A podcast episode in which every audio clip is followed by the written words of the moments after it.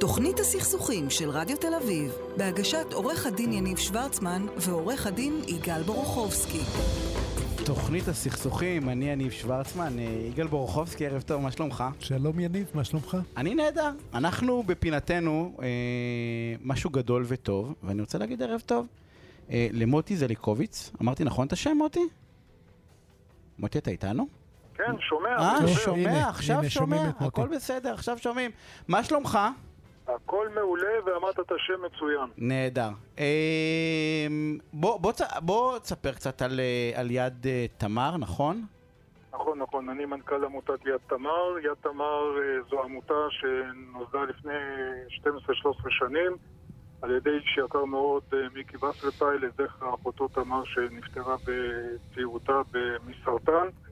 ובעצם יד תמר פיתחה שיטה אה, להתמודדות עם אה, משברים כאלה ואחרים, גם מחלות וגם משברים אחרים.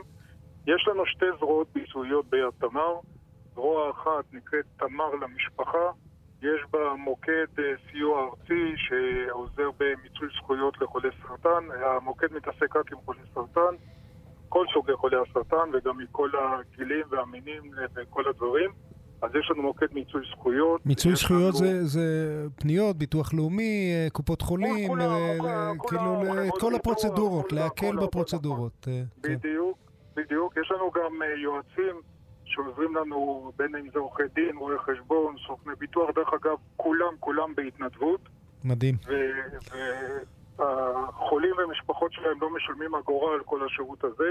יש לנו מתנדבים שעוסקים בליווי רגשי של אה, חולי סרטן, ויש לנו שיטה שאנחנו פיתחנו, שאנחנו מלמדים משפחות, מה שנקרא התארגנות משפחתית. איך לנהל את המשבר ולא שהמשבר ינהל אותנו. תשמח אז, אותנו קצת, כמה- כמה מתנדבים יש לכם? יש לנו היום סדר גודל של, אה, עוד פעם, הקורונה הרסה הרבה מכמות המתנדבים, אבל היום אנחנו חזרנו לכ-200 מתנדבים, בעבר היינו סביב ה-400-500. זאת אומרת, 200 מה- זה המון. אה, כן, כן, לא. מאות, מאות אנשים, ואתה אומר מאות אנשים אה, מוכשרים, אה, בעלי מקצוע, כאלה ש, ש, שלא משעמם להם בחיים, מקדישים כן, מזמנם כן, בהתנדבות כן, כדי כן. לסייע. מוטי, כן. ומה זה, מה זה, ואמרנו שיש עוד ערוץ, נכון? אמרת אחד, זה עזרה נכון, למשפחה. הזרוע השנייה נקראת תמר לקהילה. בעצם תמר לקהילה זה שיטה שפיתחנו מתוך המשברים שהצלחנו לסייע ולה, ולעזור לאנשים, פיתחנו שיטה שבעצם אנחנו באים לקהילות, מבחינתנו קהילה זה כל קבוצת אנשים שיש לה מכנה משותף אחד. זה יכול להיות גם אה, מקום מגורים, יכול להיות בניין, יכול להיות אה, יישוב, רחוב, שכונה, מקום עבודה, לא משנה מה, העיקר שיש מכנה משותף. באים בוחרים מתוך הקהילה בין 10 ל-25 מתנדבים ומכשירים אותם הכשרה מקצועית לנהל כל משבר שקורה בקהילה לקהילה או לפרט, בין אם זה משבר לטווח קצר, בין אם זה משבר לטווח ארוך. אני אתן דוגמה, זה יכול להיות מחלה של מישהו מהקהילה וזה יכול להיות תאונה שקרתה למישהו בקהילה ברמה אפילו של מוות, ויש לנו כאלה דוגמאות. אה, ואז צריך ללוות את המשפחה ואת היקירים לפעמים גם שנה-שנתיים. ואנחנו מכשירים את המתנדבים האלה ואנחנו בקשר איתם ועובדים איתם אה, ומלווים אותם. אז השיטה שלנו בעצם היא באה ללמד קהילות וגם מקומות עבודה איך לנהל משברים ולא שהמשבר ינהל אותנו. אנחנו יודעים ברגע שקורה משהו אז מאבדים את הראש, מאבדים את העשתונות. אנחנו באים, מלמדים את הצוות, המתנדבים האלה. כל הצוות הוא מתנדבים. מלמדים אותם איך, אה, איך למצות מה צריך בדיוק, יש רשימות, יש חומר כתוב, יש סימולציות. כל הדברים האלה, אנחנו מגיעים לקהילות, לא משנה היכן, בשעות שנוח להם, זה יכול להיות בערב, זה יכול להיות אה, בבוקר, זה לא משנה. מכשירים אותם, מלמדים אותם, עושים איתם תרגילים מתוך הקהילה. אנחנו לפני שמגיעים לקהילה, לומדים את אה, איך הקהילה מתנהגת, מי האנשים בקהילה, כל הדברים האלה עושים מדהים, הכנה. מדהים, ש- מדהים. שים- לב, יניב, שמוטי מדבר לא על עזרה אה, ישירה לחולים, אה, שזה בדרך כלל מה שאנחנו רואים, אנשים באים לשמח את החולים, אלא עזרה למעגלי התמיכה של החולים, למשפחות, נכון, לקהילות. נכון, נכון. ו- זה מדהים. וזה, וזה הרבה פעמים אה, גם אה, יותר אפקטיבי וגם פחות, אה, פחות מצוי. מוטי, איך אפשר אני- לעזור אני- לך? אני- יש, אני- יש אני אה, יודע כמה. עוד- אני אני אגיד עוד דבר אחד. אנחנו- ש- אנחנו אחרון, חייבים- מילה אחרונה. מילה אחרונה. אנחנו מלמדים את הצוותים להכין הרבה הרבה אינפורמציה מראש, שכשיש משבר לא צריך להתחיל לחפש אה, לאן לפנות וכולי. אה, מה אה, שאני רוצה מה, לומר, מוטי, מה- אפשר לעזור? בדיוק, איך אפשר כן. לעזור? מה אתם אה, צריכים? יש עשרות אלפי אפשר מאזינים כאן, מה- אפשר להיכנס לאתר שלנו, בוא תרתום אותם. פניות, להיכנס לאתר של יד תמר באינטרנט ולפנות בין אם מישהו רוצה להתנדב, בין אם קהילה רוצה הכשרה. ב', אפשר לפנות אלינו ב-02-656-2200 גם בשיחה ולהשאיר הודעה וגם בוואטסאפ, זה גם מספר וואטסאפ. והצוות שלנו, בין אם זה המוקד, בין אם זה הקהילות, נחזור במהרה זאת אומרת, גם מי. שרוצה להתנדב וגם מי שרוצה לתרום, כן. אה, להקיש וגם בגוגל, לתרום. אה, כן. גם לתרום אפשר, אה, מוטי, אנחנו חייבים-. חייבים ותודה לסיים. לכם על השיחה לא. תודה לך, אנחנו, מה זה, אנחנו אפילו לא ב- בכלום, מוטי, תודה רבה. אה, תודה. על ה... אה, כנסו אה, כן. ל- לפייסבוק, ל- לגוגל ותמצאו שם פרטים, והנה אנחנו מתחילים. תוכנית הסכסוכים של רדיו תל אביב, בהגשת עורך הדין יניב שוורצמן ועורך הדין יגאל בורוכובסקי. ורגע לפני שאנחנו מתחילים, רוצה להודות לאיתן בלכטר שנמצא על התפעול הטכני, תודה רבה איתן. אה, למי שעורכת ומפיקה אותנו, ליאר גולדברג, תודה ליאר ולאייל טל על הפקת המומחים. ואני רוצה להגיד ערב טוב לעורכת הדין טל קרת, שותפה בכירה ומנהלת מחלקת דיני עבודה במשרד תדמור לוי ושות'. אה, טל, ערב טוב, מה העניינים? בסדר גמור, ערב שלום טוב. טל. יפה, הייתי, שני נושאים שהיינו יכולים לדבר עליהם כל התוכנית, בואו נתחיל, כי איך אומרים, אין לנו זמן. אה, בואו נתחיל בנושא שאני מאוד מאוד אוהב, החיסונים. מאוד מאוד אוהב. שבועיים אתה מאוד מאוד אוהב, כן, לא צריך לא. אני אוהב תמיד, אבל שבועיים אני. מדבר את עצמי למוות על זה, כנסו לפני שבועיים. הוא ראה את האור והוא התחיל לשכנע אנשים... אה, לא התחלתי לשכנע כן. אנשים, התחלתי אה, אותי לא אכפת ממי שהוא מתחסן או לא, זה שלכם, כל אחד עם החיסון שלו. אל תשדלו לא להתחסן, זה מה שאני אומר. זה נכון. בסדר, ת- תעשו בגוף שלך מה שאתם רוצים, אל- אל- בלי שקרים, זה הכל. בעבודה, כן. אני כמעסיק יכול לכפות על העובד שלי להתחסן? לא. זו לא. התשובה הקצרה, עכשיו נ... נ- לא, בלי מחנות כפייה ומחנות עבודה, לא יכול, לא יכול. כן. רגע, אני יכול לפטר אותו אם הוא לא רוצה להתחסן? אז זהו, בוא- בואו נעשה טיפה סדר. קדימה. לחייב להתחסן, התשובה היא נורא ברורה, לא, אוטונומיה על הגוף, יש, זכות יסוד, אין שאלה, אי אפשר לכפות. אממה, יש חלופות. וכמו שיש לעובד את הזכות לאוטונומיה על הגוף שלו ולכבוד האדם וכל הזכויות שלו, נפוצץ פה במילים אה, קשות מדי, יש זכויות שעומדות מנגד. ובמקום העבודה, בטח כשיש מגפה, כמו שאנחנו אה, אה, חווים, חווים כן. בשנה, תלוי את מי שנתיים שואלים, האחרונות, כן. אה, כן. אז יש זכויות כמו החובה... עכשיו אתה מפיץ אה, פייק לא, לא, משהו. לא, מה יש זה כאלה שחושבים שזה לא מגפה, לא, אני כן, יודע אה, שיש כאלה כן, שלא. כן. אנחנו סתם מפריעים לטל, אוקיי. מאוד. בקיצור, מנגד, לזכות של העובד על הגוף שלו, על הפרטיות שלו, שבכלל ישאלו אותו אם הוא התחסן או לא, גם זאת שאלה שלכאורה התשובה בימים רגילים הייתה מה פתאום אסור לתת? מידע רפואי. יש את הזכות של מי שנמצא במקום עבודה, אם זה העובדים, אם זה לקוחות? הלקוחות, אם זה ב- נגיד במוסד רפואי המטופלים וכיוצא בזה, לבריאות שלהם, לחיים שלהם. בבתי ספר יש את התלמידים, יש להם זכות לחיות, ויש חובה על מעסיק. לתת ולספק סביבת עבודה בריאה לעובדים. ולכן, יש איזון בין הזכויות, כמו בכל זכויות אה, יסוד למיניהם, והאיזון שעד היום גם אנחנו מתחילים לראות אותו בחקיקה שיצאה רק עכשיו, אני תכף ארחיב, ובפסיקה שהייתה גם כבר בגלים, בגל הראשון של המגפה, זה וגם ב- לתת... גם בעולם, אגב. אה, גם כן. בעולם, לתת חלופות. מה הכוונה?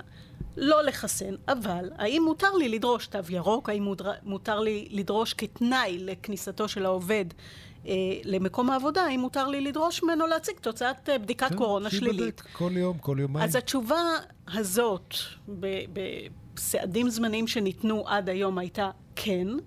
האם מותר כן, לדרוש... מותר לדרוש, כן, גם מותר. בדיקה, תו ירוק וכולי. כן, מותר לדרוש, אבל, אה, וג, וגם מותר לדרוש אה, אה, תשובה לשאלה אם אתה מחוסן או לא, על אף שכל הזמן מזכירים ואומרים, כן, יש זכויות, זכות לפרטיות, ויש זכות ל... גם בדיקת קורונה היא סוג של בדיקה רפואית פולשנית שזה, אבל כשבתי הדין עד היום באו ובחנו את, ה, את האיזון, אמרו, נכון, אבל זה לא פולשני כמו חיסון, בטח לא בא, באותה רמה, ואם שמים מנגד את הזכות לחיים של עובדים של ומקום עובדים עבודה כן. ומטופלים ו- ותלמידים במקומות חינוך, איזנו. עכשיו, רגע, ועובד לא, רק כדי לענות על השאלה, עובד לא רוצה להציג תו ירוק, להתחסן, כן. אה, מותר לפטר אותו? תראה, אז זהו, כדי להבין את זה צריך רגע להבין בכל זאת, עד היום לא הייתה חקיקה בכלל בנושא. כן. מחודש אפריל התחילו טפטופים של חקיקה, התחילו בכלל כללים בשירות המדינה ש, שבאו ו, ופעם ראשונה הסדירו בסוג של חקיקה את האפשרות לדרוש את אותה תוצאת אה, אה, בדיקת קורונה או תו ירוק לצורך העניין כתנאי לכניסה למקום העבודה. ועכשיו ממש בחודש האחרון, בחמישי לאוקטובר אה, נכנס לתוקף, נכנסות תקנות שבמוסדות רפואיים, מוסדות רווחה ויש גם במקביל במוסדות חינוך, פעם ראשונה שחקיקה אומרת כן אתה יכול להגיד לעובד כזה לא להיכנס למקום העבודה אם הוא לא מציג וקבעו תנאים, מה זה נחשב בדיקה תקפה וכיוצא בזה אין טעם להרחיב.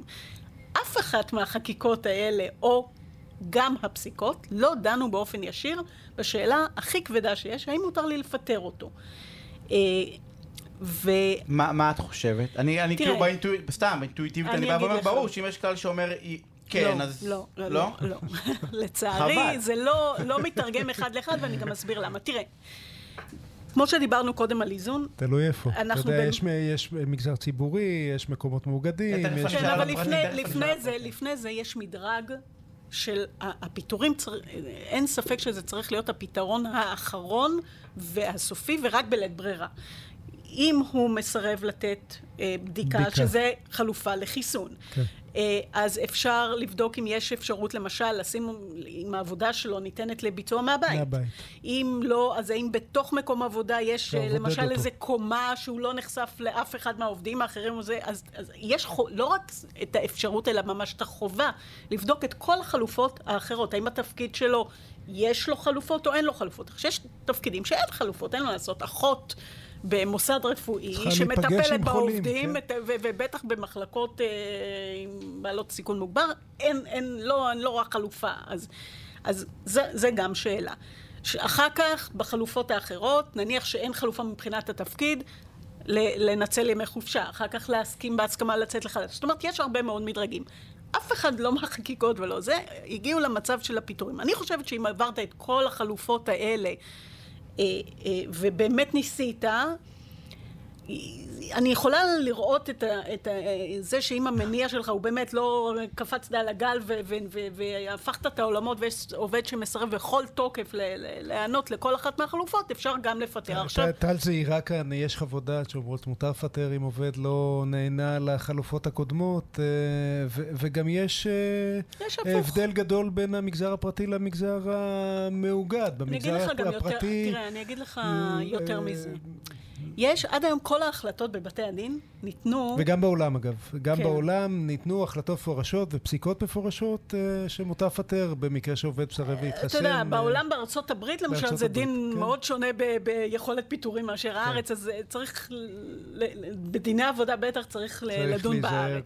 צריך אבל כן לזכור כן. שכל ההחלטות שהלכו על מאזן הנוחות ואמרו, אוקיי, במגפה כזאת, ב... ב ש, שכל ההחלטות התבססו על, על חוות דעת אפידמיולוגית של אה, דוקטור שרון אלרועי פרייס, שאמרה, מי שמחוסן יש לו פחות אה, סיכוי, אה, סיכוי להדביק אה, ו- ו- וליצור מחלה. כן. עכשיו, נניח שאנחנו מגיעים למצב ש... החוות דעת הזאת משתנה, גם הפסיקה יכולה להשתנות. ברור, זאת אומרת, הכל ברור. מבוסס. בסופו של דבר, אני חושבת... על המצב ועל הנסיבות שאנחנו קיימים בהן, על, על מגפה ו... כן. ו- וכולי. ואם יהיה הסכמה של ארגוני עובדים, בוודאי שזה יקל. והם נוטים להסכים לכל החלופות, הם עוד לא הביעו עמדה חד משמעית שמותר לפטר, אז גם את זה צריך לשקול. אה, ואם לצורך העניין את מאזין אה, מעסיק פרטי, עוד פעם, זה יותר מוכר אני מניח בציבורי, אה, בעצת אצבע, כאילו, הוא כן, הוא לא מוכן לצורך העניין, רוב המעסיקים הם קטנים, כן, אני לא יכול לתת לו חלול, הרעיונות של, כאילו, הפתרונות של מקום נפרד, אולי טוב במפעלים, לא יודע, אולי שאפשר, אבל... לא חדר לא נקי, אתה אומר. לא, כן, משרד עורכי דין, משרד רואי חשבון, חנות, לא יודע, כאילו, אז, אז הפסיקה אומרת שכן אפשר לפטר, נכון? הפסיקה הקודמת, או שלא. אין פסיקה כזאת אין פסיקה שהתייחסה, אין פסיקה לא, עדיין. לא, זה בדיוק העניין. אני אומרת עוד פעם, לכן, תציע לו לנצל חופשה, תוציא אותו לחל"ת לפני כן. שתפטר, כי אולי משהו ישתנה, אבל אם לא, אני מאמינה שאפשר יהיה כן. בסוף גם להגן על זה, אבל זה באמת נורא נורא תלוי זמן, מצב. ו... אז בואו בוא לרגע נסכם. אה, עוד לא הגיעו, את לא- יש הליכים כאלה עכשיו? יש הליכים אה, זמניים, היא לא, אמרה, לא יש, זמניים, לא אה, זמניים, מעניין אותי לדעת אם יש אנשים, אין עדיין, למיטב- גם בהליכים הזמניים, כן. רובם, המעסיק אמר שהוא לא יפטר, או אפילו מימן את השהות בבית של העובד, ולכן אני מאוד כן. אבל מאוד ב- זהירה. בגלל שזה היה וג- במקומות ו- ציבוריים מוזרים. הבנתי. אה, אוקיי. אה, אז, אז לסיכום, אם אתה עובד ומחליט לא להתחסן ולא לעשות בדיקות ומקווה שהדברים יסתדרו, לא בטוח שאתה יכול לישון בשקט. יש סיכוי טוב. שהמעביד יכול... אה, להוציא אותך לחל"ת, לפטר אותך, לא לשלם לך, להוציא אותך לחופשה כפויה, אה, יש סיכוי אחרי לא שהוא. בדק את כל אם אתה החלופות, מעביד כן. ואתה מעוניין לעשות צעד כזה, אולי הדבר הכי טוב שאנחנו צריכים להציע לך זה להתייעץ איך עושים את זה זה נכון. תמיד לא... נכון. כי ממילא תעשה את זה, תמצא פשוט סיבה אחרת, אם תהיה חכם. בוא נדבר, לא, בסוף מי גם שרוצה לפטר... חזרת לשיחה שלנו על השימוע, אם זה באמת או כאילו. כן, לא? השימוע זה פיקציה, אמרנו כבר, לא? אה, היה לנו דיון זה שלם אם שימוע זה פיקציה או לא, אנחנו, כאילו... כאן מצחוק. אה, אנחנו אמרנו ששימוע זה פיקציה. לא- אה, לא הכל צריך להגיד, יניב, זה אתה גם ברדיו, איזה כמה עשרות אלפי אבל להפך, אנשים אני שומעים אגיד, את אתה זה. לא יכולה להגיד, כי זה אני חסר אחריות שכמוני, אני יכול להגיד מה שאני אני רוצה. בוודאי אגיד כאילו, שאני ראיתי מקרים ששינו את דעתם של מעסיקים. בוודאי, נכון. מלא מלא מלא מקרים כאלה ששינו את דעתם. אה, היו. נכון, אה, היו. אה, לי זה כמו האגדות? כן, סיפרת, אני בא ואומר, כמו תמיד אגדות, היו, אם את יודעת שהיו מקרים כאלה, אז כמה זה נדיר! תשמע. זה המדהים שבא. יניב, אל תשכח שאתה מגיע לשימוע, כי מישהו כבר קיבל אה, החלטה. לשקול לפטר אותך. אה, המילה לשקול פה היא מעניינת. לא, המילה לשקול היא מהות השימוע. אה. אני שוקל, אני לפני, אני נותנת לך אפשרות להזים את- מה שאני שוקל. זה שימוע. אני, לא, אני אנחנו תמיד דיברנו. שברמה הפרקטית, שאני כבר שוקל לפטר אותך, אז אנחנו בסדר. קצת אחרי המשקל. נשאר לנו עוד ממש דקה וחצי, על שנייה, אנחנו. נוסיף עוד דקה. הטרדות מיניות. הטרדות מיניות. אנחנו כולם מדברים על הטרדות מיניות ועל מגרסות של שרים. אה, אז אני- אגע בנקודה. שני משפטים להגיד שני את זה, אנחנו. חייבים להגיד על זה. תלונות אנונימיות. כן. כן. אז אני אגיד משהו על תלונות אנונימיות. לא לגרוס אותן. בוא נתחיל כן, מהסוף. אני כן, מתחילה מהתשובה הקצרה. תפקיד. לא, אבל אני אגיד, באמת, לא. יש גם חוק וגם תקנות שמדברים על מניעת הטרדה מינית. בתקנות אה, מניעת הטרדה מינית יש סעיף מיוחד שמדבר מה קורה שמגיע מידע לידי... מידע אנונימי אגב זה אחד לא מהדרכים. כתוב אנונימי או לא, אבל להבדיל מכל יתר הסעיפים באותו סעיף שמדבר על הגשת תלונה, פה יש ממש סעיף מפורש שאומר, אם נודע למעביד שעל על הטרדה מינית, גם אם לא הוגשה תלונה, או שאפילו הוגשה תלונה והמתלונן חזר בו, חובה לברר. לבדוק, דרך אגב, מי נכון. שהיחיד שיכול לברר זה הממונה. האחראי, על כן. מ- ולא המנהלים. כלל, כן. צריך גם את זה, צריך מיד להעביר, וגם היחיד שיכול לקבל החלטה שאי אפשר להמשיך לחקור, זה אותה ממונה, אבל הממונה. גם בתלונה אנונימית יכול להיות בה מידע מספיק נכון. כדי לברר את התלונה, כי החובה, צריך לזכור, של מעסיק היא למנוע גם את הישנות המקרים. ויכול להיות שאתה לא תדע מי הגיש את התלונה, אבל יש שם מספיק מידע. להבין שבאמת יש שם משהו. אנחנו חייבים לסיים, זה אתה לא- יודע, אתה יודע מה הבעיה בהטרדות מיניות? הגברים.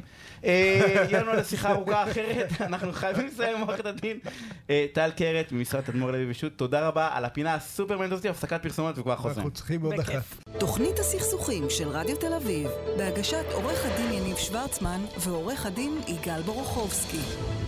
ואני רוצה להגיד ערב טוב לעורכת הדין שירן מקחל הרוש, שותפה במחלקת נדל"ן במשרד צמח שניידר ושות'. שירן, מה העניינים? שלום, מעולה, ערב שלום, טוב. שירן. אהלן. אמרתי הכל נכון, אמרת מצוין. מהמם. אנחנו הולכים אה, לדבר על שאלה רגע, שהאמת, אבל אתה זוכר מה המקור של מה שאמרת? כי אנחנו ביררנו את זה. נכון. אבל היינו שם כבר, לא? לא, לא, אה, שלום, בוחן מלאכים, פתע, לא- מ- מלאכים, היה לנו מלאכים, זה לא זה המלאכים? זה לא המלאכים, היה לנו מלאך, היה לנו, מה מה השם, נו, אז תגידי עכשיו, נו, מה? איפור לעיניים. בדיוק, מקחל, מקחל, הסבירה לך. טוב, לא חשוב. אני לא זוכר, אני. מתנצל. אני- הפעם הבאה. שירן, אה, כן. אנחנו הולכים לשאול את השאלה הסופרמנט הזאתי, של אה, מה תפקידו של עורך הדין? אנחנו בהליך משא ומתן מסחרי. אנחנו כמעט לכל עסקה מסחרית נעזרים, לא, לא כמעט, אנחנו כי בכל עסקה מסחרית נעזרים בעורכי דין. זה בנדל"ן וזה ב, ב, בשותפות וזה בלקנות חברה, זה לא משנה מה, תמיד יש עורך דין שמלווה אותנו. נכון, נכון. אה, ולפעמים מתערבב בין המשא ומתן המשפטי למשא ומתן המסחרי. ומי מי בעצם מנהל את האירוע הזה של העסקה? שאלה מצוינת. כשאנחנו uh, בעצם uh, מדברים על הסכם, אנחנו מדברים על uh, מפגש רצונות בהתחלה בין הצדדים עצמם, בין המוכר לבין הקונה, בין המלווה לבין הלווה. וכאשר העורך דין בעצם מקבל להכין הסכם, זה אחרי שהצדדים עברו כברת דרך מסוימת. זה לא שלא סוכם שום דבר ו... ופשוט העורך דין צריך לנהל את הכל. הצדדים עברו איזושהי כברת דרך, התדיינו, שכנעו, נתנו, קיבלו. ובאמת השאלה היא, מה מידת ההתערבות של עורכי הדין? כי הרבה פעמים יש דברים שסוכמו וכדאי לא לפתוח אותם, כי זה עלול לסכל את ההסכם. אבל לעומת זאת, יש דברים שכן כדאי לבדוק ולוודא שגם אם הצד הסכים, הוא לא הסכים למשהו שעלול לפגוע בו. הצד, הצד שאת מייצגת? כן. זאת אומרת, נניח שבפרויקט נדל"ן, אה, החבר'ה, הוועד, הסכימו עוד לפני שנכנס לתיק ל-12 מטר תוספת בהתחדשות עירונית. ואת יודעת שיש שם עסקאות אחרות בסביבה ב-20 מטר. זה, זה לא עניין משפטי, זה עניין מסחרי לגמרי. אבל לא תפתחי איתם ותגידי, רגע, יש, יש תמורות יותר גבוהות בסביבה? תלוי. אה, אה, בהחלט עם הלקוח שלי זה משהו שאני כן אפתח, אבל צריך לראות מה עומד מאחורי ההסכמה הזו. צריך לראות האם באמת ההסכמה הזו ניתנה כדי לקבל משהו אחר בעסקה. אני אתן לכם... אה, את לא תבואי ותחממי רגע? מה זאת אומרת? לא, מה, לא. את פותחת, רגע, אני לא, אני שואל שלא. למה ככה, יניב? למה? כי לא, לא את שירן, שירן מהממת, אני כן. מכיר, אה, אתה יודע, אחרים. אבל אם אתה הלקוח והיא לא אמרה לך, ואחר כך אתה מגלה שהיא ידעה אפילו על לא, עסקאות אחרות, והיא לא אמרה לך, מה תגיד? אה, יש לי שאלה כנה, כן, בטח, זה היה עניין מסחרי, לא משפטי. תן רגע לחמם את הפינה, יגאל. אני רוצה לשאול שאלה כנה. אי פעם, גם אתה יכול לענות, יגאל. אי פעם אה, קיבלת הסכם ואמרת, וואי, תנאים המסחרים מהממים? כאילו, אי פעם לא הלכת, כאילו, להגיד, בוא'נה, תקשיב, איזה... כן. מה קורה פה? כן, כן. אני אתן לכם דוגמה אחרת. אנחנו... מה אתה מכווץ גבות? כן, לפעמים מקבלים הסכמים והתנאים הוגנים. לפעמים. נכון. כמו עם כן. השימוע, לפעמים, כן. ברור, יש את הכלל ויש גם יוצא מן הכלל. גם כשאומרים לך כן, אתה לא מרוצה. אבל אני אתן לכם למשל דוגמה. קדימה. Uh, היה לנו הסכם מאוד מעניין, הסכם של uh, שיתוף פעולה ל... להקמה של איזשהי מגדל. איזשהו מגדל, סליחה. ובדרך כלל הרי הצדדים אמורים להעמיד סכום כסף מסוים כדי לאפשר את הבנייה. ויש מנגנונים כדי להגן על כך שכל צד ישים את הכסף שהוא צריך לשים, כמו למשל מנגנון דילול. והצדדים באמת הסכימו על מנגנון דילול, זה אומר שמי שלא שם את הכסף שלו, החל, החלק שלו, אם זה במניות או בזכויות בקרקע, מדלל. אוקיי? והצדדים באמת הסכימו על הדילול, וסעיף הדילול נכנס לתוך ההסכם, ופתאום אנחנו קיבלנו את הטיוטה מהצד השני, על ידי העורך דין, שלא רק שהוא הכניס את מנגנון הדיל, הדילול, שזה כבר פנלטי כשלעצמו, הוא עוד הוסיף קנס על קנס, ואמר, לצורך הדוגמה במקרקעין, שווי הזכויות שמדוללות נקבע לפי ההלוואה שלא הועמדה, חלקי שווי הקרקע. והוא מה שהוא בא ואמר, שווי הקרקע לא יהיה שווי הקרקע לפי שמאי, אלא יהיה שווי הקרקע לפי שמאי, בניכוי פנלטי. להתערב בהסכמות המסחריות. שזה רק מסחרי. כן. שזה רק, רק מסחרי. מסחרי. עכשיו, בוא נגיד כזה דבר, סעיף הדילול זה סעיף באמת קיצוני שלא קורה הרבה פעמים, וזה רק למקרה שזה לא deal breaker. אבל כשהלקוח רואה את זה אחרי שהוא בא והתדיין עם הצד השני, הוא רואה סעיף כזה שהוסיפו אותו, זה יכול להוציא אותו מהכלים. את מי? זה את, את הלקוח, את הלקוח שכבר שפתאום... סיכם, ואז אה, פותחים איתו. ופתאום הוא מופתע לקבל כזה דבר. רגע, בטח מהעורך דין ובטח מזה. רגע, ועכשיו את, קיב... את, את קיבלת עכשיו את הדבר הזה. רגע, יגאל, חכה, אני רוצה להבין את המנגנון. וכי התקשרת ללקוח ואמרת, אה, הצד השני יצא... אני, אני באופן אישי לא מהעורכי דין שמחממים. אני יכול להיות שאני מתחממת עם עצמי, אוקיי. יכול להיות שאני אתחמם עם עצמי, אבל כשאני פונה אה, אל הלקוח, אני בטח לא אחמם אותו. אבל אני כן אציג לו... זה לא התשובה שיניב כיוון אליה. לא, זה בסדר גמור. לא. אם עכשיו את צריכה, אה, שומעים אותנו הרבה אנשים, אז אה, זה עסקאות, ולאו דווקא עסקאות ענק, שזה ברור. בסדר? ככל נכון. שהעסקה יותר קטנה, העורך דין יותר דומיננטי. כאילו, במשקל שלו, כי... זה לא... כי אחד, יש פה... אצל, אצל עסקים קטנים... לא הייתי אומר גדולה קטנה, ככל שהלקוח יותר כן. מתוחכם ומבין, נכון. ככה עורך הדין יכול להגיד אוקיי, לעצמו, אוקיי, זה מסחרי, הוא בטח מבין. אז כאלה שלא עושים המון המון עסקאות, איך, איך לנהל את העורך דין? כאילו, מה, מה, מה, מה אני לקוח עכשיו, אני סוחרת שאין לי, לי הרבה מדי עסקאות בשנה, אני סוחרת שותף של ליגה, להנחות אותו, להגיד לו משהו, להגיד לו מראש אל תתערב, כאילו, איך, איך אני עושה את זה? כלקוח אתה מתכוון. כלקוח, אני לקוח. אני חושבת שכלקוח אה, אתה צריך אה, להנחות את העורך דין שלך, לשמור עליך, להגן עליך ולעגן את ההסכמות בהסכם, כך שהסיכונים שתיפגע או שתפסיד כסף יקטנו עד כמה שאפשר. ואם הוא לא רואה נניח, לא, אבל זה על הכיפאק. נניח הוא עובר על ההסכם, הוא בא ואומר בואנה חסר פה הרבה דברים, אני עורך דין מנוסה, בסדר? ראיתי הרבה עסקאות, בואו לא דיברתם על זה ולא דיברתם על זה, בואו אני כבר אכניס את שאר הפרטים. כאילו, מראש להגיד לעורך דין לא להתעסק בש... רגע, רגע, יניב, אני חושב שאתה מפספס בשאלה. אה, אה, אה, קודם כל, עורכי הדין, מעצם טבעם, מוטים לטובת חשש יתר. הם מנהלים סיכונים, בדרך כלל עורכי דין, הם לא מנהלים סיכויים, הם אה, בדרך כלל עורכי דין רואים את הסיכונים ומטפלים בהם. אה, מה שחשוב להבין ממה שירן אומרת זה הסאבטק שברור לכל עורכי הדין ולא ברור ל-90% מהלקוחות, שבראש של עורך הדין יש שני, קוב, שתי קוביות, הקובייה המשפטית שהוא אחראי עליה והקובייה המסחרית שהוא לא אחראי עליה ביום טוב הוא מגדיל ראש.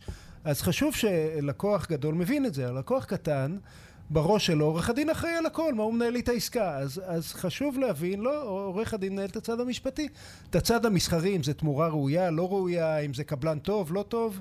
או שתשאל את העורך הדין, אה, רגע, אתה יודע לנהל לי את זה? או שתניח שהוא לא מנהל את זה. זה... אה, רוב העורכי דין לא מנהלים את הקובייה המסחרית? זה מעניין אותי, כי לדעתי הם כן מנהלים. זו נקודה מאוד חשובה, כי גם בהקשר הזה שהעורך דין לא מנהל לא את מחיר העסקה, או לא למשל את תנאי התשלום, אבל הוא כן יכול לבוא ולהגיד ללקוח, כדאי שתתייעץ עם בעל מקצוע, נכון, נכון. עם אה, שמאי מקרקעין. מה שחשוב זה לא אם הוא מנהל או לא. החשוב, הנזק יכול להיות שהעורך דין חושב משהו אחד והלקוח חושב משהו אחר. זה לא חשוב אם הוא מנהל או לא. כל עוד שניהם חושבים אותו דבר.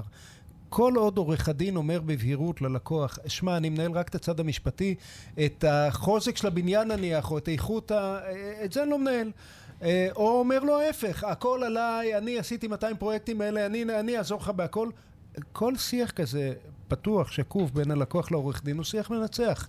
הבעיה היא מה קורה כשהנושאים לא מדוברים וכל צד יש לו איזה פנטזיה אחרת על uh, מה תפקידו של עורך הדין. צריך לעשות תיאום ציפיות כבר בתחילת הדרך. בדיוק. בין הלקוח לבין בדיוק. עורך הדין. זה הקריטי. על במה הוא מטפל, על מה הוא אחראי, ומה שלא, לייעץ לו, להנחות אותו עם מי כן להתייעץ. כי אחר כך כשחותמים על ההסכם, הרבה יותר קשה לשנות דברים מאשר עוד לפני החתימה, ולפני החתימה אפשר לתקן. גם דקה לפני חתימה אפשר לתקן.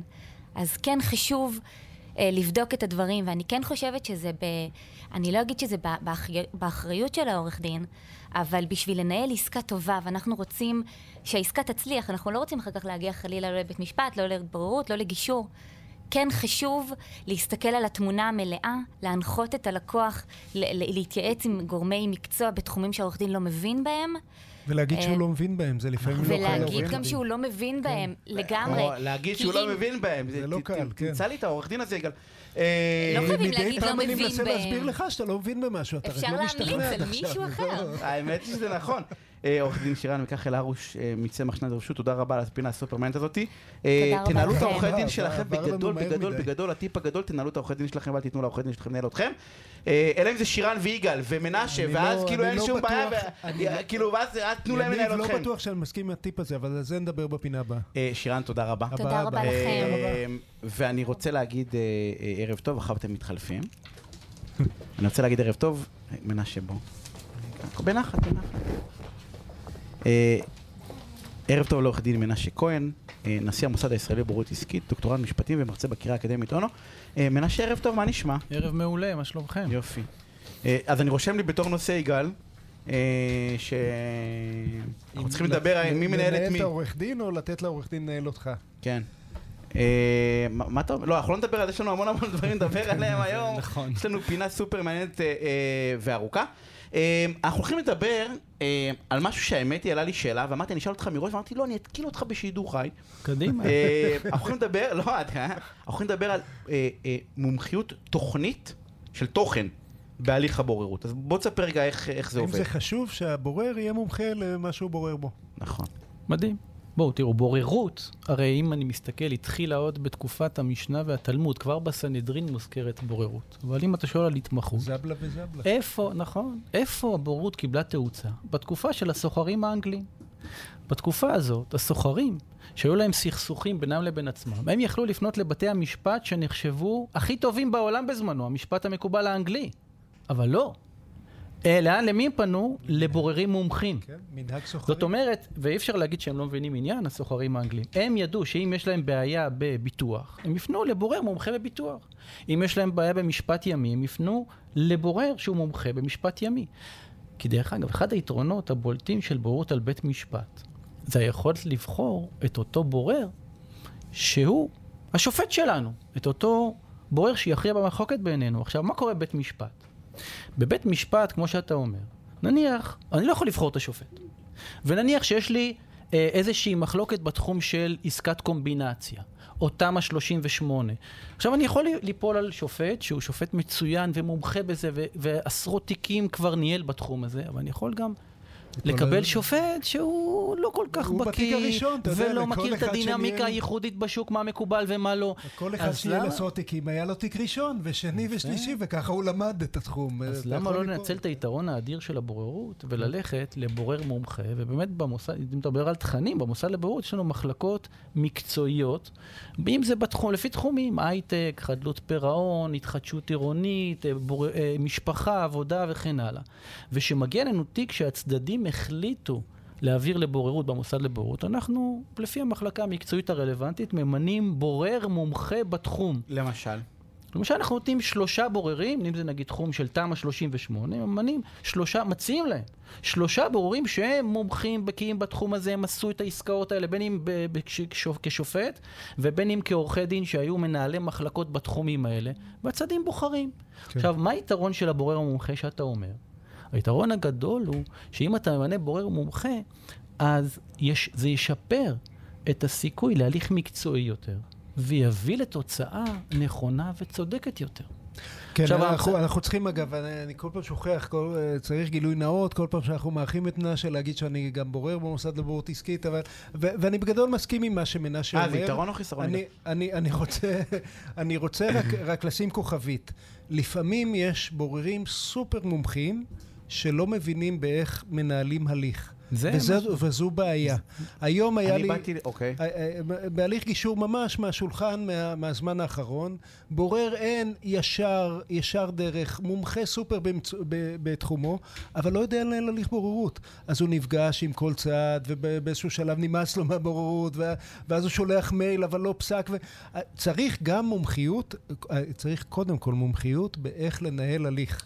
אני באתי... ואחר כך מומחיות בעולם התוכן. מה שיניב שאל אותי על מומחיות זה תנאי הכרחי, אבל לא מספיק. מה שאתה כן. אומר זה ברור. כן. דרך אגב, זה לא uh, בלעדיות uh, של המוסד לבורות עסקית, הנושא של מקצועיות. כן. גם המדינה מבינה את זה. היא למשל קובעת בחוק בוררות חובה בתחומים מסוימים שבהם נדרשת נכון, מומחיות נכון. מיוחדת. כן. למשל ספורט. למשל ספורט, ואני רוצה להגיד ערב טוב לכבוד השופט בדימוס אמנון סטרשנוב. אה, אתה איתנו? ערב טוב, ערב טוב. לכם ולמאזינים. שופט בית המשפט המחוזי בדימוס, הפרקליט הצבאי הראשי לשעבר, נשיא המוסד לבורות עסקית, וכיום מכהן גם כנשיא בית הדין העליון של ההתאחדות לכדורגל, שזה הספורט החביב עליי ביותר, אני חייב להגיד. ויש לך רגל פגועה כדי להוכיח. ויש לי רגל פגועה מכדורגל, ויש לי בנים שמשחקים שניהם כדורגלנים. אז יש לך את המומחה עכשיו כן, בספורט ובכדורגל. אז בוא, יש לי שאלה אישית, לא, סתם. מכל התארים זה באמת התואר הכי חשוב, אני מודה, בייחוד אצל הילדים והנכדים שלי. ברור, ברור לי, ברור. אה, סבא הכי מגניב בכיתה. אני, יש לי שאלה, מאחר ושאלת שאלה, כי כבר העלינו גם את כבוד השופט. שופטים הרי הם מומחים בשפיטה. נכון. אז איך הם פתאום מומחים בתוכן? כאילו, איך זה מתיישב? זה מה שרציתי לשאול. איך כאילו, איך הפכת למומחה בספורט? תראה, זאת הבעיה, בהמשך למה שאמר אה, מנשה קודם, אה, קודם, שופט לא מומחה בכל דבר. הוא לומד, אני ניהלתי תיקי בורסה מאוד מסובכים בלי שידעתי בתחילה שום דבר, ואחרי זה אמרו עורכי דין שאני מתמצא כבר יותר מאשר הם. או בתחום רשלנות רפואית, או בתחום תאונות עבודה. הם אה, לומדים את, את הזה תוך כדי המשפט, תוך כדי שהם שומעים עדים ועדים מומחים, ובזה הם מבינים, הם לא יכולים להבין בכל, כולל בספורט. ולכן, אחד הדגשים שאני מסכים לחלוטין עם מנשה, שאתה הולך ורוצה בורר, ואתה רוצה בורר בענייני תמ"א או בענייני רשלנות רפואית, אז אתה מוצא מישהו שהוא מתמצא בזה, ולא בהכרח הוא צריך להיות שופט או עורך דין בקיא. אה, היה סיפור של השופט מלץ, זיכרונו לברכה, בזמנו, שהוא ניהל בוררות, אני לא זוכר את השם, נגד חברת ביטוח כלל ופסק שם על שלושה עמודים 96 מיליון שקל חייב אותם, והוא לא התמצא בנושא. אז עם כל הכבוד, יכול להיות שיש עורך דין או, או רואה חשבון שהוא המתאים והוא המתמצא בעניין הזה. בענייני ספורט יש חוק הספורט, שהוא קובע שההתאחדות או איגוד יתקינו תקנונים לניהול תקין של הענף של ענפי הספורט. והסמכות הבלעדית לדון ולהחליט בעניינים קשורים לפעילות במסגרת ההתאחדות היא בידי מוסדות השיפוטים הפנימיים. דהיינו, גם בית הדין המשמעתי, גם בית הדין העליון שאני עומד בראשו, וגם כמובן המוסד לבורר, במוסד לבוררות. במוסד לבוררות וגישור של, אה, אה, של ההתאחדות לכדורגל יש עשרה בוררים ויושב ראש.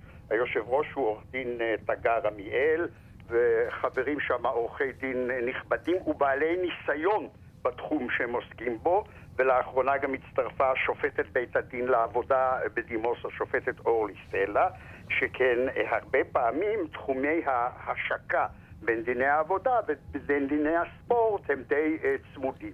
Uh, ומעדיפים במקרים האלה את הסמכויות של בתי המש... של, של מוסד לבוררות על פני, ה, אה, על פני בית המשפט. יש לי שאלה, זה לא עלול ליצור קצת איזושהי תחושה שכבר אותם שחקנים באים, אז כאילו יש איזשהו, אה, לא יודע, סטיגמה כזאת, אבל... אה, כאילו יש את העורכי דין שמייצגים את השחקנים, או את הקבוצות, ויש כל מיני שמות ש... אותם מיליה. כן, אותו מיליה כזה, זה לא, לא, זה לא מייצר...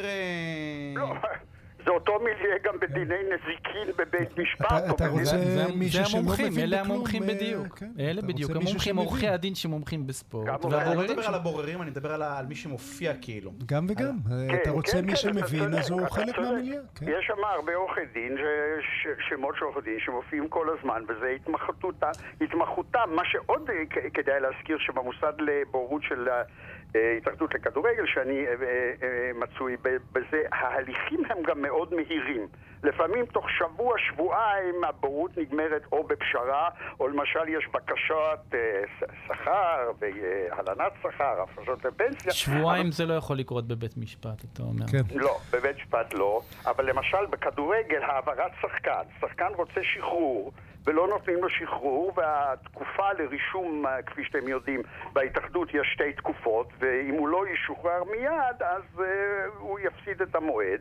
ולכן קובעים, אני, אני ממנה את הבוררים דרך אגב, יש יושב ראש המוסד לבורות, כפי שנאמר, ואני כנשיא בית הדין ממנה את הבוררים בהתאם, לה, ומתאים אותם, והם עובדים די מהר ודי יעיל. ההליך מוסדר בתקנות? גם השכר, גם הכל? כן, כן, בתקנון. בתקנון, בתקנון ההתאחדות. כן, כן חוק הספורט, חוק הספורט מחייב את אותם עניינים ללכת רק לבוררות, אי אפשר ללכת לבית משפט, זה בוררות חובה. ויש הסדרים דומים, אה, כבוד השופט סטרשנוב דיבר על ההתאחדות לכדורגל, לא הסדר, הסדרים דומים בוועד האולימפי ששם אני דיין, ובהתאחדות, בכדורסל, כן. אה. ודאי. שכר הבוררים גם כן נקבע על ידי נשיאות בית הדין העליון, ודרך אגב זה שכר די נמוך, לא, לא גבוה. אני בוררויות הפרטיות, ומנשה בטח גם כן מכיר את זה, גובים אה, סכומים יותר... קצת יותר, כן. כן, אבל פה זה גם אה, די שירות לציבור ולספורטאים. בסוף עבודה מטעמים... זה בסוף, זה מה שהנכדים אוהבים. עכשיו, לא, מעניין אותי.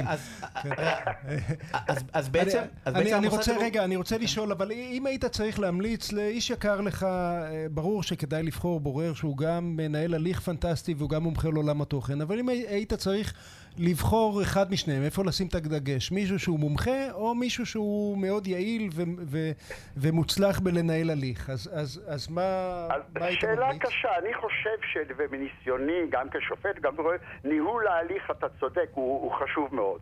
ויש הרבה שמחליטים ומעבירים לצד השני ולא מחליטים ואחר כך מגישים בקשה לפסול את הבורר כי זה לוקח הרבה זמן. הייתי אומר ששילוב של שני הדברים... שילוב הוא אידיאלי. כן, את כן, המומחיות כן. הוא יכול לרכוש גם תוך כדי. בדיוק. את הניהול והכל, אבל זה היתרון הגדול בבוררות, בכל בוררות, אה, אה, במוסד לבוררות של... אה, לפי חוק הספורט אתה לא יכול לבחור לך את הבורר, אבל אתה יודע שעשרה הבוררים האלה ברשות הכדורגל, הם מבינים עניין, הם בתחום. אז אני, אני רוצה ככה לסכם את מה שאני הבנתי מהפינה. האם אתה יכול לזכור בורר שהוא גם מומחה תוכן וגם יעיל, ואם אפשר אה, בריא ויפה וכולי, זה בוודאי נפלא. ומחיר כן. שווה לכל אבל, נפש. אבל, אבל שים לב, שאם, שאם הוא לא מבין בעולם התוכן, אבל הוא יודע לנהל הליך ויודע מה הוא לא מבין, אז הוא יכול לזכור מומחה שיסייע לו. אם הוא לא מבין באיך לנהל הליך, זאת בעיה בלתי פתירה. ולכן... אה, אתה צודק, זה הבעיה בכל תחום. כן. זה בעיה בתחום משפט, שופט שמתקשה לנהל ולקבל החלטות. נכון. או גם בתחום הבנקאות או כל תחום אחר, כן. שאנשים צריכים לקבל החלטות בחיים. אבל עם התרזה אין לנו. כל אחד, כל אחד יש לו את היתרונות והחסרונות שלו.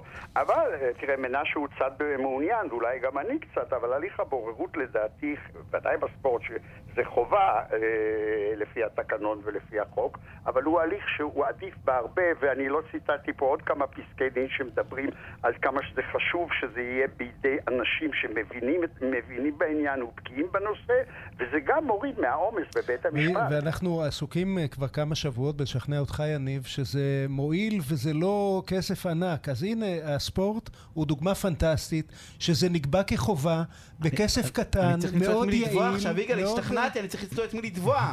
כאילו, מה... אני לא יודע אם הברך שלך זה די ברור, לא מישהו... אני מגיש תביעה עכשיו, אה, אמנון, אני צריך למצוא איזו סיבה. אה, אני אגיד למועדונים שאנחנו נמצאים בהם לריב איתנו ונגיע לבוררות. כולם שחררו את יניב בלי כסף. נקבל אתכם בשמחה. אני רוצה, כבוד השופט בדימוס. אני רוצה אותך לפינה הסופרנט הזאתי, ועורך דין מנשה כהן, מהמוסד לבוררות עסקית, תמצאו בורר מומחה מסתבר, או מומחה שיודע לנהל. זה המושלם. גם וגם. הפסקת פרסומות וכבר חוזרים. תוכנית הסכסוכים של רדיו תל אביב, בהגשת עורך הדין יניב שוורצמן ועורך הדין יגאל בורוכובסקי. אה, ועכשיו זה פינה שלנו. שלנו, כן. אני, אני, אני, אתה יודע, אני מקדיש את רוב התוכניות בלרדת עליך, אז אנשים לא יודעים ש, שאני בעצם מאוד מעריך אותך. אתה מנהל עשרות שנים אה, גישורים וסכסוכים ומשאים ומתנים, ונצבר ידע עצום, ואנחנו ככה, הכנת כמה טיפים ו... נגמר לנו הזמן לפני שבועיים, נכון? נכון. אז, אז אני אמרתי לך, אני, אני רוצה להמשיך ולשמוע. אז מה, מה פספסנו? מה אנחנו... אה, מייעצים לסתם אנשים, או גם עורכי דין, אבל גם אה, אנשים רגילים שנקלעים לסכסוך, איך לנהל אותו נכון.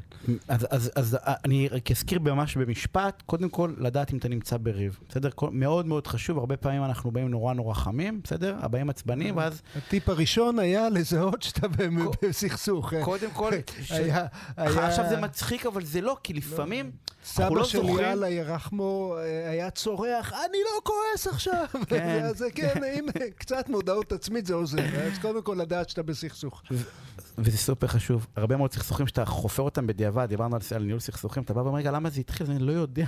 כאילו מישהו צעק על מישהו, ואז כבר קיללתי אותו, ואז הוא קילל אותי, ומשם זה נגמר. כן. אה, הדבר השני זה לדעת על מה הריב, בסדר? אני רוצה לדעת על מה אתה כועס עליי, לא מה אני רוצה.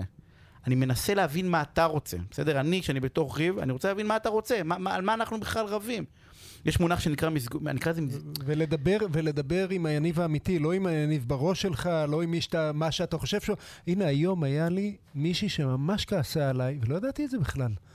והיא דיברה עם היגאל בראש שלה, אה, לדעתי חודשיים. מה זה, ניהלה איתו שיחות, הוא היה חרא של בן אדם, אבל היא לא דיברה איתי. ואני, אה, אני, התברר לי שהיא כועסת עליי היום, שלשום. היום אה, ישבנו, יצאנו חברים, כי היגאל האמיתי היה נחמד, לא יודע, אני מקווה, השתדלתי. אבל אנחנו עושים את זה בשוטף, עושים את זה כל הזמן, נכון? בני הזוג שלנו. בסדר, אנחנו כאילו כועסים עליהם לפני שאנחנו יודעים שזה, ואנחנו עושים את זה. ואנחנו מנהלים את השיחות בראש שלנו פי אלף מאשר את הדבר האמיתי. ואנחנו מגיעים לשיחה עצבניים, כן. ואז זה אוטומטית, אבל לדעת, לצורך העניין, הבדיחה עם הג'ק, אתה, כן, אתה לא מכיר? לא, תספר. אחרי התוכנית. לא, כן? לא שווה את הזה? כן, כן. זה שחימם את עצמו עד שהוא מגיע לבית הבודד, ואז שההוא מהבית פתח לו, ו... במקום לשאול אותו, טוב, תן לי את הג'ק, כי הוא היה שם זה, הוא, האיש מה... מה, מה, מה, מהראש שלו היה כל כך מעצבן וניסה לסחוט אותו שאמר אתה יודע מה לך לעזאזל אתה והג'ק שלך ואני כן, אבל זה לא מצחיק זאת כן, זה ככה אנחנו לא מודעים לזה אז יפה אנחנו נמשיך אז קודם כל לדעת על מה אנחנו רבים אני תמיד אומר בוא תגיד לי על מה אתה רב איתי שאני אבין אותך כי יכול להיות שאין לי בעיה לתת מה שאתה רוצה כן. אני לפעמים לא מבין אותך זה כבר בסדר אני מבין שיש ריב אני מבין שאתה כועס עליי. אבל לא מבין למה. אבל לא מבין למה. כן. בסדר? אז בוא תנשום רגע, ותראה רגע על מה אתה, מה, מה אתה רוצה. לא מה אני רוצה. אלא מה אתה רוצה. אנחנו כל פעם עסוקים במה אני רוצה. ואיך אתה רואה את הדברים? לפעמים כן. אני מרגיש נורא צודק, אני לא שמעתי אותך אף פעם, אז אה, בלי לשמוע אותך הרגשתי צודק. ואז פתאום, תמיד אתה מרגיש שאני צודק. כן, כן, לא, כשהגברת דיברה, פתאום הבנתי, רגע, יש משהו במה שהיא אומרת, אני באמת הייתי לא בסדר, אז זה היה לי קל לקחת אחריות, כי הבנתי. לגמרי, ואנחנו לא באים ישר מהפוזיציה שלנו, אחרי שהבנו, בסדר, מה אתה רוצה, מה אני רוצה. עכשיו, זה נשמע נורא טריוויאלי. אבל זה, כאילו, לא. תסביר למה זה טיפ בכלל. מה, ברור שאני יודע מה אני רוצה, לא? לא, לא, כי, כי לא לפעמים לא זה לא ברור, כן. בסדר? והחופים מסתבכים, והרבה מאוד פעמים אני אומר, וואי, אני עכשיו פספסתי, כי לא הכנתי מראש, מלפני השיחה, לפני שכתבתי, רגע, מה אני רוצה? בסדר? מה אני באמת רוצה? אני רוצה יחס, אני רוצה התנצלות. היום היה לי איזשהו אירוע שלא העבירו כסף, כן העבירו כסף, באיזשהו הסכם שכירות, לא משנה מה. מה הכי הרגיז אותי? אני לא מתרגז, בסדר? גם היום לא התרגזתי באמת. אבל כאילו מה הכי הרגיז אותי? שלא עדכנו אותי. כאילו, עכשיו, האישו המסחרי היה כסף, כן? כאילו, כן העבירו שכירות, לא העבירו... אבל זה היה האישו המסחרי, אבל כאילו, מה שהרגיז באמת, אני בא ואומר, בוא'נה, אתמול ישבנו, תעשה טלפון. כאילו, לא לספור אותי, כאילו, העובדה היא שאתה מחליט רגע בתוך הדבר הזה, ועל זה, דרך אגב, לפעמים אני יכול ללכת, אני אקרא לזה מכות וירטואליות, כן? כן. כאילו, על, על, ההתר, על ההתרכזות של ה... ו, וברגע שאני בא ואומר, מה שהפריע לי, בסדר, כסף יסתדר, לא יסתדר, מה שהפריע לי זה עכשיו, מ... פעם הבאה שזה יקרה, להגדיר את הפעם הבאה, זה היה יותר חשוב לי רגע. אז רגע, בוא, בוא נעצור כאן ונגיד משהו שאצל מגשרים זה ממש הכלי היומיומי, אבל אני חושב שלציבור הרחב חשוב אה, אה, אה, להבדיל בין אה, עמדות של מה שאני רוצה לאינטרסים של מה שבאמת מניע אותי. אה, אה, כשאנחנו שואלים מה בן אדם רוצה, בדרך כלל מה שהוא יגיד זה כסף, נכון? אני, מה, אני רוצה כסף, אני אין לי שואה, אני, אני לא אמוציונלי ואני לא כועס כאן בכלל, אני רק רוצה ששלם לי מה שמגיע לי. כן, מה, מה מגיע לך? מה שכתבתי בתביעה, אני לא מוותר על שקל, וגם היו לי הוצאות בינתיים. אה, כשחופרים לעומק, רגע, מה באמת, מה הביא אותך לכאן? הרבה פעמים מאחורי הכסף מסתתר עלבון, חוסר תקשורת, הוא לא ספר אותי, הוא דורך עליי, אם אני אסכים אז אני משפיל את עצמי, וכל מיני דברים שמתבטאים בכסף, אבל בעצם לא קשורים אליו. ולפעמים, כשאנחנו מבינים את הדברים האלה, הפתרון הרבה יותר קל מאשר שאנחנו עסוקים, אתה תגיד, אני מגיע לי, מגיע לי, מגיע לי הרבה כסף, הוא יגיד, לא מגיע לך כלום, וכולכם תריבו ותחזרו על... באתי להגיד הכי חשוב, אבל לא בטוח שהוא הכי חשוב, כי הוא מאוד מאוד חשוב, זה משהו שלדעתי לא בהכרח אתה יכול לעשות לבד. תתייעץ רגע עם מישהו, זה לא צריך אותו עורך דין, באמת, עם הבן, בת, מישהו שלא יכעס איתך, כי יש את אלה שכועסים בשבילך, אתה יודע. מזדהים, כן. מזדהים, לא, לא, לא מזדהים. בדרך כלל זה אבא, או אימא, מישהו מבוגר, או דוד, או חבר שלא מתרגש בדברים האלה, אה, תעשה את זה. אשתך. אה, במקרה שלך אני מתכוון. במקרה שלי תשחוט אותו לפני שאני אשחט אותו. מה אתה מדבר? אם אני אגיד לה שמישהו פגע ביגאל, בזה נגמר האירוע, כאילו פחות או יותר נגמר המשא ומתן, ואני אומר לה, תתגני אותו, תבשלי אותו, תעשי מה שאת מבינה. אני אזכור בפעם הבאה שאני אפגע בך, אני אזכור את זה. לגמרי, לנו חצי דקה, ורק רציתי להגיד דבר אחרון, כי אנחנו חייבים לסיים. אל תכתבו, תתקשרו.